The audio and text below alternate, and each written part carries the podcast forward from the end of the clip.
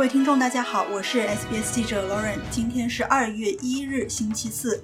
本期的 SBS 新闻快报主要内容包括：澳新外长会晤旨在加强两国安全关系；FBI 称中国黑客瞄准美国关键基础设施；南非指控以色列违反国际法。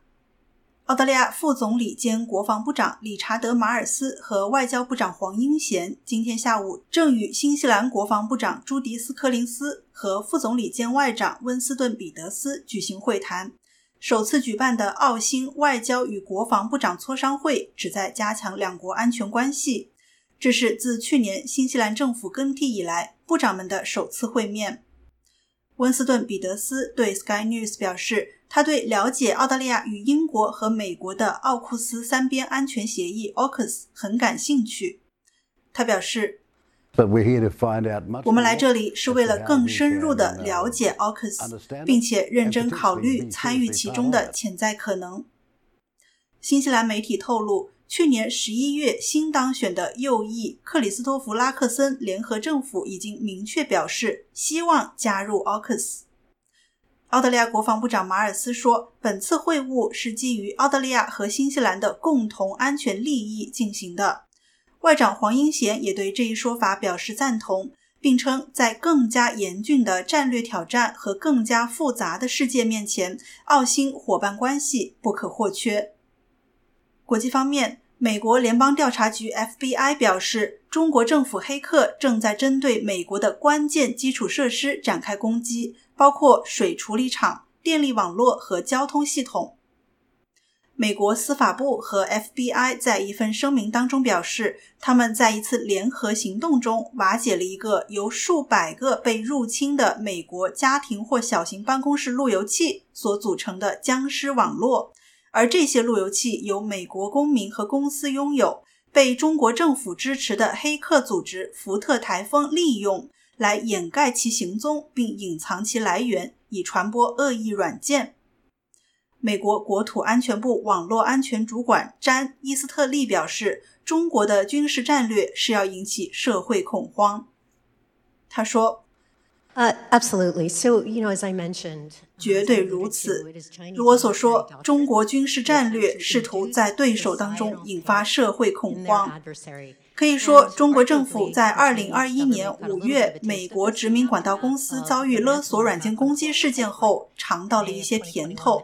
该攻击导致东海岸的天然气供应中断了数天，美国人民无法上班，无法送孩子上学，也无法送人去医院，这引发了一些恐慌。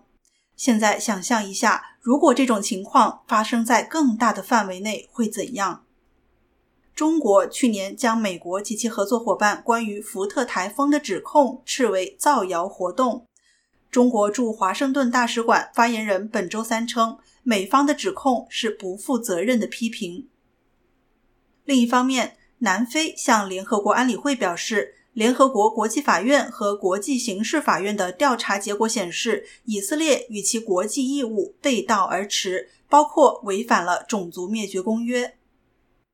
法院上周五的裁决援引以色列领导人的一系列言论，作为针对巴勒斯坦人的煽动性和贬低性言论的证据。南非驻联合国大使马图乔伊尼说：“The actions that we are all witnessing daily by Israel，我们每天都目睹以色列的行动违反国际法，包括联合国宪章、日内瓦公约及其议定书。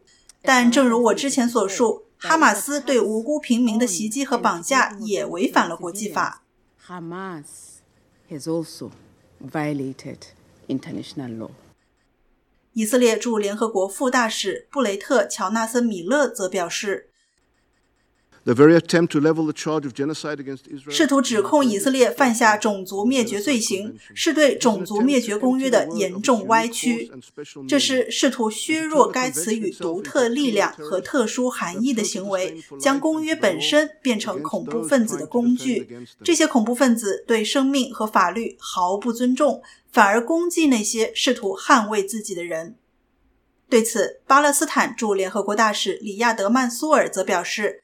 国际法院对以色列种族灭绝行为是毫无根据的这一说法给予了强烈的谴责。感谢收听本期的 SBS 新闻快报，在任何播客平台订阅 SBS 新闻快报，开启消息提醒，即可随时了解澳洲国内外新闻及社区资讯。